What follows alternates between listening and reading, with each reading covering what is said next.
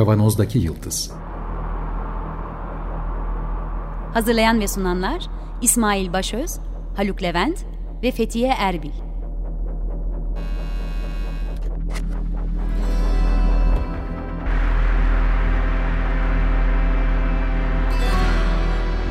Bugünün penceresinden geleceğin ayak izleri. Merhaba, 95.0 Açık Radyo'da Kavanoz'daki Yıldız'dayız. Ee, yine geleceğin e, ayak izlerini bugünden e, sürmeye çalışacağız. E, bugün iki kişiyiz. Fethiye var yanımda. Merhaba herkese. Ben de Haluk Levent. E, geçen hafta hatırlanabileceği gibi e, bu açık bilim meselesine başlamıştık. Aslında bu hafta ben ve Fethiye de biraz okuduk, İsmail de biraz okudu. E, bayağı derya deniz bir konu çıktı. Aslında bugün yaşadığımız bazı problemlerin daha düzgün tartışılması için de kapılar açan bir e, konu çıktı. O yüzden sanırım bu hafta, önümüzdeki hafta ve belki sonraki haftada buna devam edeceğiz. Biz böyle programcılarız. Evet. Önümüzü Yaparken bugünden öyle. planlıyoruz, yaparken öğreniyoruz. Evet, öyle oluyor. Ee, şimdi bugün konuşmayı düşündüğümüz birbiriyle karşılaştırarak belki konuşacağız ama Hı hı. daha çok önümüzdeki hafta ikinci makaleye e, yer ayırmayı planlıyoruz. İki tane makale var. Kısaca bir hatırlatsana Haluk geçen hafta. Geçen hafta evet geçen hafta açık bilimin tanımı üzerine bir konuşmuştuk. Yani nasıl bir e, yaklaşıma dayanarak böyle bir e, kavramın ortaya çıktığını konuşmuştuk. Açık bilim sonuç itibariyle bilimle uğraşan araştırmacıların e, bu amatör de olabilir, Hı hı. profesyonel de olabilir. Tabii ağırlıklı olarak profesyonel oluyor şu sıralarda ama amaç toplumun bilime katılımını artırmak her seviyede. Sadece edilgen bir şekilde değil. Ee, araştırmacıların ortaya koyduğu çalışmaları geliştirmeye, yani çalışmanın daha da geliştirilmesine, katkı sağlanmasına, ekleme çıkarma yapılmasına açık halde bilim dünyasına sunması. Yani bir araştırmacı bir çalışma yapıyor. Bu çalışmada bir takım veri setleri kullanıyor, bazı e, yazılımlar kullanıyor. O kendisi belki o araştırmaya özgü olarak kod geliştiriyor. Bütün bunları tekrarlanabilirlik çerçevesinde yani okuyucu isterse o verileri ve kodları kullanarak e, o makalede ya da o çalışmada diyelim yapılan analizleri tekrar üretmesi mümkün olabilecek şekilde kamuya açık halde şey yapıyor, e, sunuyor. Dolayısıyla buradaki amaç aslında e, bilimin ya da araştırmanın e, hem yapım sürecinin hem sonuçlarının bütün toplumla paylaşılması. E, Sadece uzmanlar değil çünkü bu aslında geçen hafta çok konuşmadık ama ileride epeyce konuşmamız gerekecek bir mesele. E, bilim dünyasıyla toplum arasında da özellikle Türkiye'de bunu çok yakından yaşıyoruz değil mi? E, sonuç itibariyle biraz hükümetin politikasına bağlı olarak e, büyük ölçüde ortaya çıkan bir e, ayrışma, kopma hatta ötekileştirme Ve belki düşmanlık. evet biraz daha abartacak olursak Hı hı. bir düşmanlaştırma süreci yaşanıyor. E, ve bu toplumun bilimle olan sağlıksız ilişkisini ortadan kaldırmanın e, temel yollarından bir tanesi. Tabii burada bu sağlıksız ilişkinin ortaya çıkış koşulunu, koşullarını da bir tekrardan tartışmamız gerekecek. Bugün yine kuş bakışı üzerinden geçiyorum. Hı hı. Ee, bu büyük ölçüde 70'li yılların sonunda başlayan e, neoliberalizmin bilim dünyasında açtığı büyük yara, büyük yıkımın e, sonucudur.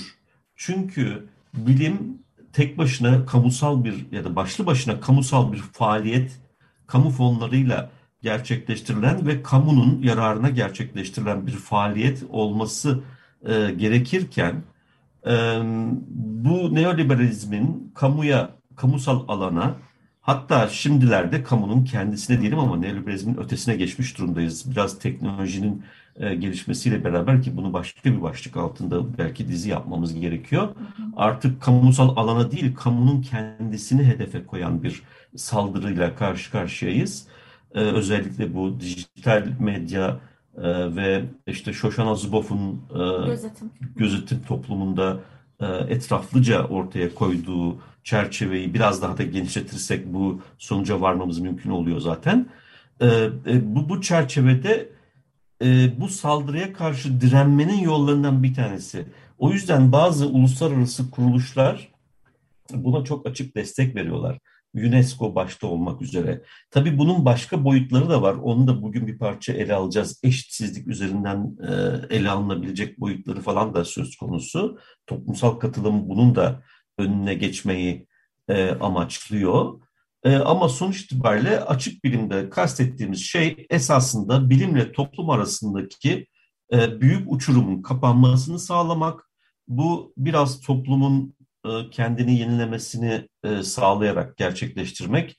Biraz da bilimin o nasıl söyleyelim yani aşırı uzmanlaşma ve bu aşırı uzmanlaşmanın yol açtığı dille birlikte e, anlaşılmama, anlaşılmama, izole olma, izole olma gibi problemlerini ortadan kaldırmak ve bir de tabii esas büyük mesele bu sosyal bilimlerle mühendislik ve temel bilimler diye üç başlık içerisinde alırsak bu e, bahsedeceğimiz konu aslında bu üç başlık altında birbirinden çok farklı e, derecelerde ortaya çıkıyor. Onun da tabii doğasından kaynaklanan, bu disiplinlerin doğasından kaynaklanan bir yapısı var gibi de duruyor. Bunu da belki ayrıca ele almamız gerekiyor. Halion ee, planlarına göre 2050'de programı falan bitireceğiz. Evet. ee, ama o önemli bir mesele. Özellikle e, ikinci makalede bunun üzerinde duracağız e, önümüzdeki haftalarda. O da e, başlığını vereyim. Bu iki makalenin bu arada tabii e, web sayfasına e, Açık Radyo'da yaptığımız kayıt kayıt bölümde, kayıttan izlenebilecek bölümde yaptığımız küçük tanıtıma e, koyacağız e, ayrı şeylerini, e, adreslerini, linklerini. Onun başlığı zaten biraz eski bir makale ama iktisadın bu meseleye nasıl yaklaştı, nasıl çarpık yaklaştığını gösteren MEK açısından çok önemsenen e, bir makale. Yazarı kim başlıyor? Yazarı Denis Kuah. Bu Denis Kuah e, ana akım iktisadın çok önemli isimlerinden bir tanesi.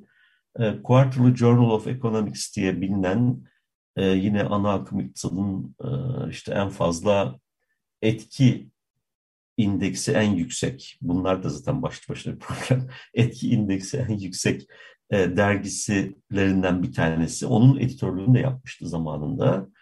E, işte, ve çok da bilinen biridir. Onun yazdığı bir makale, 1999'da yazdığı bir makale.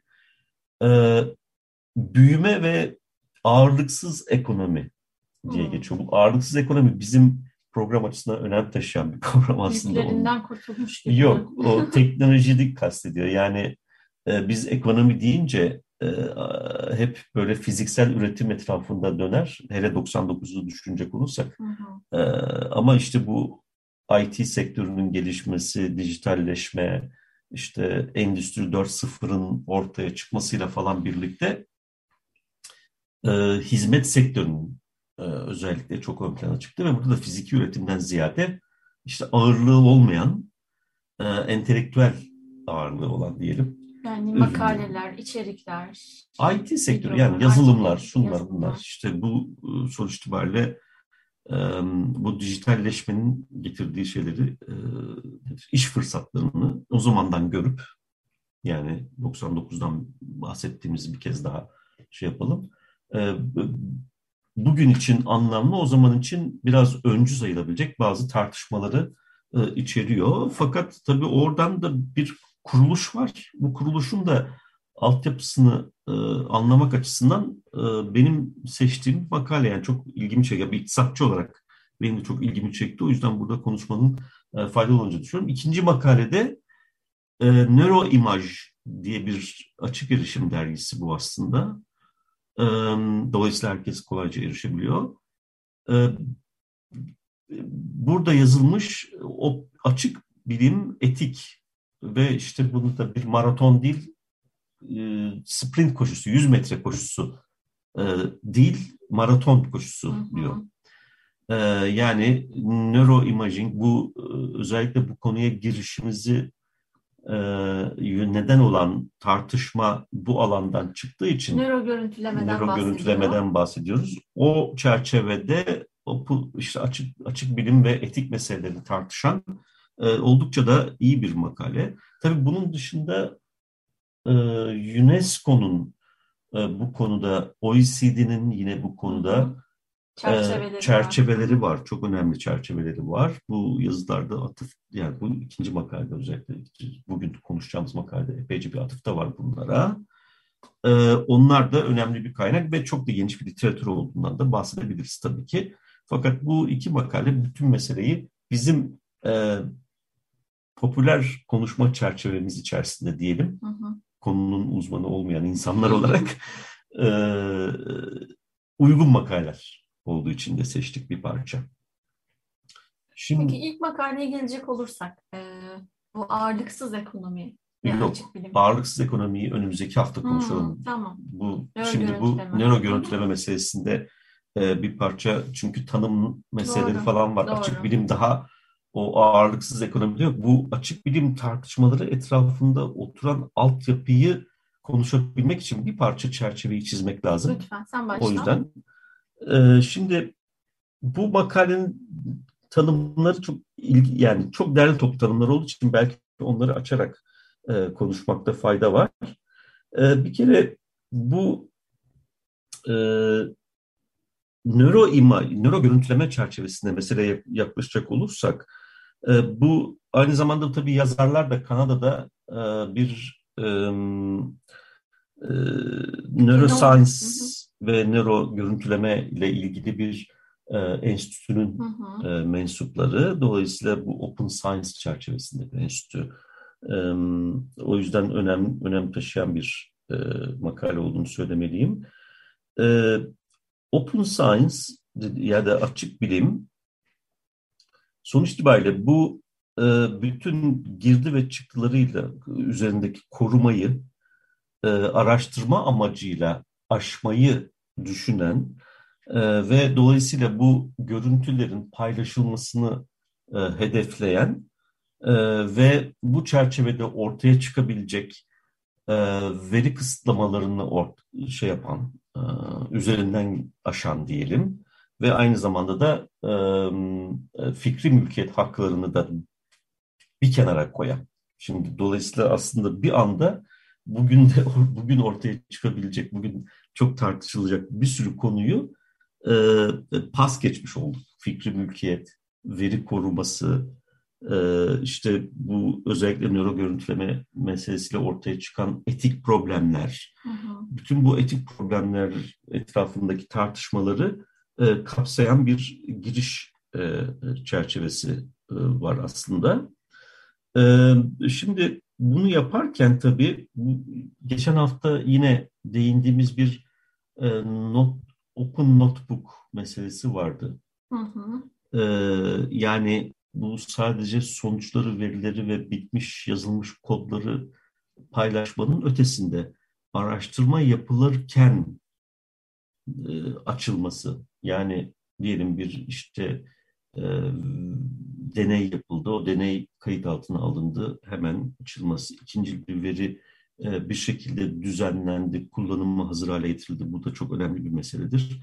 E, onun hemen kullanıma açılması ya da işte burada söz konusu olduğu gibi e, bir görüntüleme veri tabanının kullanıma açılması gibi meselelerden bahsediyoruz. Bütün bunlar sonuç itibariyle etik problemler ya da işte e, mahremiyetin korunmasına ilişkin problemler de içeriyor.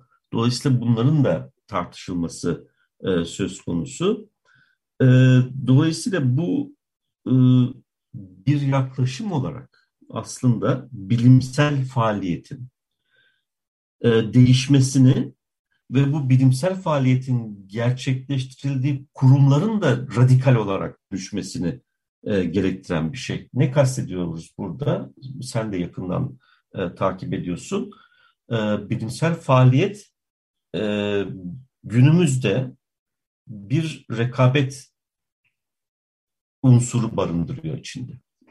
Yani Tabii herkes puan toplama ve yükselme puan peşinde. toplama, işte birbirinin çalışmasını tamlam, tamamlanmadan şey yapma, koruma, fikrini e, paylaşmama gibi. Bu içinde bulunan, bulunduğumuz e, kurumsal yapının e, buna dönük ölçüm sistemleri de var. Değil mi? Sonuç itibariyle e, herkes ve kurumlar ve bireyler, yani sadece bireylerden bahsetmiyoruz, kurumlar da kendi içerisinde hiyerarşize ediliyor, e, bir e, sıralamaya tabi tutuyor ve işte hep görüyoruz işte ilk 500'e girdin çıktın.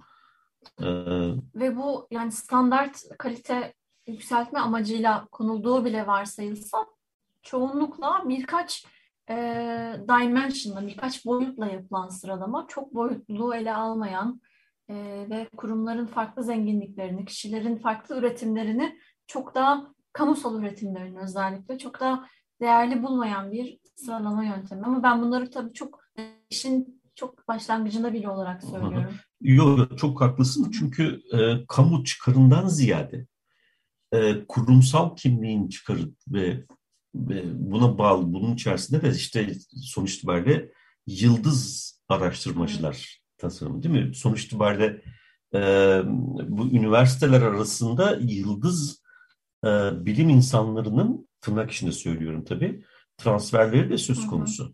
Transfer derken e, işte bir yerden başka bir, bir üniversiteden başka bir üniversite ya da bir araştırma kurumundan başka bir araştırma kurumuna geçmesi için e, çeşitli özendirici faaliyet şeyler, bon paket, servis, paketler, bon servis gibi bir dedim. İşte ne oluyor? İşte araştırma bütçesi vereceğim diyor. 2 milyon dolarlık, 5 milyon dolarlık.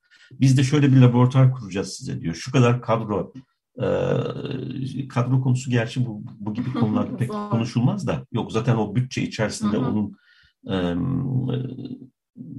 üstü kapalı olarak ama bu tür büyük bütçeler e, sunulabiliyor. Tabii maaş falan da ayrıca şey yapılıyor. Bunların da e, şeyiyle özendiriciliğiyle bütün ölçüm sistemleri de dolayısıyla bu tür insanların eşik değerler çerçevesinde tanımlanmasına bağlı olarak gerçekleştiriyor. Yani işte bir yıl içerisinde kaç tane birinci sınıf dergide yayın yaptın, ne kadarlık fond getirdin üniversiteye ya da araştırma kurumuna, işte nerede ne kadar gözüktün, bizim özellikle eğitim kurumları arasında bu Türkiye'de bir sefalet de söz konusu tabii. Yani işte Televizyona televizyonda ne kadar göründüm bilmem ne kadar. Haluk bu programı niye yapıyor zannediyorsunuz? Puan toplamak için. puan toplayamıyoruz ama biz buradan neyse bizde o e, yok. puan yok. Ama bazı üniversitelerde var.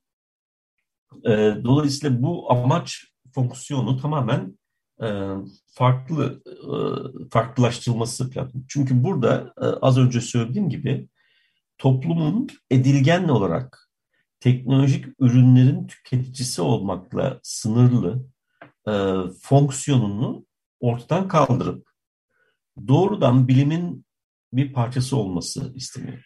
Elbette ki bir bilim insanı yetkinliğinde bu işin yapılması, e, her bireyin bu işi yapabilmesi mümkün değil. Ama hep Türkiye'de eksikliğini hissettiğimiz bir şeyden bahsediyoruz. Bilimsel okur yazarlık diye. Özellikle genç kuşakların e, buna bu yüzden e, adapte olmaları daha kolay ve bunu bu çerçevede eğer meseleyi ele alır yaklaşırsak ve kurumsal yapımızı buna göre yeniden organize edebilirsek bu iktidarda olmaz tabii ki bu ama e, edebilirsek bu büyük açıklığı kapatmış oluruz. Bu aynı zamanda bilimsel okuryazarlık. Şimdi bu bilimsel okur yazarlığın yükseldiği bir toplumda, açık bilim hareketinin genişlediği bir toplumda bir hem kurumsal altyapı ve kurumsal e, faaliyet amacı e, toplumu önceleyen, toplumun sorunlarını önceleyen. Çünkü sonuç itibariyle eğer kar güdüsüyle bir araştırma e, ortamı oluşursa yani copyright üzerinden bu e, e, ürüne dönüşme ihtimali yüksek alanlarda çalışmak yerine toplumun acil ihtiyaçlarını, acil çözüm bekleyen sorunlarının önceleyen ve buna dönük çalışmaları e, kardan tamamen bağımsız olarak e, bilimsel öncelikler sıralamasında yukarı çıkartan e, bir anlayışla çalışmaktan bahsediyorum. Çünkü böyle olursa toplumun katılması ancak daha kolay gerçekleştirilebilir. Tabii ki toplumda bir de eğitim temelli, işte bilimle daha iyi ilişki kurmasını sağlayabilecek etkinlikler temelli. Yetişkin eğitimi özellikle burada tabii ön plana çıkıyor. Yetişkin eğitiminde şey yapan, önceleyen bir çerçevenin oluşması halinde bu mümkün olabilecek bir şey. Yani vatandaşın da burada çünkü ilkelerden bir tanesi vatandaşların e, bunun bir hak temelinde e, bilimsel faaliyete katılması e, e, şey yapıyor, öngörülüyor. Ama vatandaşların da bu bilince sahip olup olmadığını sorgulamamız lazım. Ama bu zaten dahil olmak. Vatandaş bir yerde duruyor ve biz gidip ona o bilinci verecek bir yapıdan bahsetmiyoruz da ben de bu şeyleri açık bilim tartışmalarını daha yakından okumaya başlayınca şeyi fark ettim. Yani hem Türkiye'de hem dünyada artan bir keskin bir bilim karşıtlığı, bilim düşmanlığı var gibi gözüküyor. Uzun vadede yapılan araştırmalar e, bunu göstermiyor. Bilim kitaplarına, mesela yayın evlerinin e, rakamlarına bakıyorum. Bilim kitaplarına olan ilgi artıyor. Çok uzun Tabii. vadeli çalışmalar bunu gösteriyor ama böyle e, belli dönemler oluyor. E, pandeminin başları gibi vesaire. E, buralarda bir bilim düşmanlığı, bilim karşıtlığı e, seziyoruz insanlarda. Ben bunun en temel sebebinin e, haşır neşir olamama, içine dahil evet. olamama, o sürece yabancı kalma ve yabancı kaldıkça korkma ve e, kapalı bir kutu olduğunu düşünme olduğunu hissediyorum Doğru. açıkçası. Öğretmenlik tecrübelerim bana bunu gösteriyor. Ama bir de bil, açık bilimin dayandığı dört tane temel ilke var burada hemen Hı-hı. ekranda da gözümüzün önünde. Erişilebilirlik, anlaşılabilirlik, değerlendirilebilirlik ve kullanılabilirlik. Bunların arasında anlaşılabilirlik ilkesine uygun bu süreci tasarlamak gerekiyor. Yani hiç e, o sürecin içine daha önce dahil olmamış insanları çat diye getirirsen elbette hiç istemediğin sonuçlar olur. İyi tasarlanması gerekiyor. Evet doğru. E, bu zaten verinin e, yaygınlaştırılması konusunda özellikle ortaya çıkan e, bir problem. Onu herhalde artık önümüzdeki hafta konuşacağız. Çünkü o Türkiye'de özellikle önem taşıyan bir mesele. Çok, çok. E, fakat bu tabii aynı zamanda bilimin demokratikleştirilmesi anlamına da geliyor. Doğru. Yani buradan kastedilen de bilim insanlarında zaman zaman e, ortaya çıkabilen e, bir e, nasıl üstünlük üstünlük hissi hissi demeyelim de uzman şiddeti değil. uzman körlüğü. uzman körlüğü değil. Yok değil yok. Mi? Ben uzmanım. Hani ha. diyor ya işte mesela televizyon tartışmalarında evet, sıkıştığı evet, zaman ben iktisatçıyım ben bak diye yani. Ben bilirim bunu sen Yani bilmez. uzman olduğunu hangi alanda uzman olduğunu söylemek zorunda hisseden birisi zaten o konuda uzman değildir. Oh. Onu söylemek, onun altını çizmemiz lazım ama e, bunu e, söyleyerek de bir e, işte ben profesörüm, ben işte şöyle bir uzmanım, ben Hı-hı. bilmem neyim diyerek sözünü dinleten, dolayısıyla da burada demokratik değil, tamamen otor, otoriteryen bir şekilde e, iletişim kuran e, bilim insanlarının da bu hareketin e, dışında kalması doğal olarak Karşısında olacağını tahmin ediyoruz muhtemelen. Tabii tabii karşısında olacaklardır. Zaten onun dışında da iktidarın e, bugün bütün küresel düzeyde yani Amerika Birleşik Devletleri'nden Trumpizme bakalım, Bolsonaro'ya bakalım, Türkiye'deki uygulamaya bakalım. Bütün dünyada e, bu bilim dışılık e, körükleniyor, hurafe körükleniyor ve bu toplumun e, bilimle olan ilişkisini kopartmak asıl hedeflerden bir tanesi. Çünkü ancak bu kopartılırsa o e, iktidarın ideolojik rızası e, ortaya ortaya çıkabilecek durumda. Dolayısıyla e, girişte kaldık yine ama konu çok güzel. konu çok güzel. Buradan çok dallanacağımız bir şey olacak. İsmail de e, önümüzdeki hafta umarım katılır, katılabilecek ve ondan sonra da e, devam edeceğiz diye e, düşünüyorum. Son olarak söylemek istediğin bir şey var mı? Yani ben mutlaka şeye de girmemiz gerektiğini düşünüyorum. Geçen hafta da son anda kalmıştı böyle İsmail. Bunu önümüzdeki hafta konuşuruz demişti. Ee, araştırma süreçlerine araştırmanın e, katılımcılarının dahil olmasıyla ilgili koca devasa bir literatür var. Ve ben de ufak ufak kendi tezlerimden yüksek lisans hem doktorda bunu denemeye çalışıyorum. Ee, insanlardan gidip veri toplayıp o verilerle senin e, öğrenmeni, bilgini, yayınlarını, e, sonra mevkini artırmak değil artık bu demokratikleşme diyorsak katılımcıların da o sürecin bir parçası olması ve onların da bu sürece senle birlikte katkı vermesi ve senle birlikte gelişmesi hedeflenen şeyler arasında. Ee, çok isterim ki bunu çok iyi yapabilen, bunun üzerinde tırnak içinde uzmanlaşmış e, genç araştırmacılar var.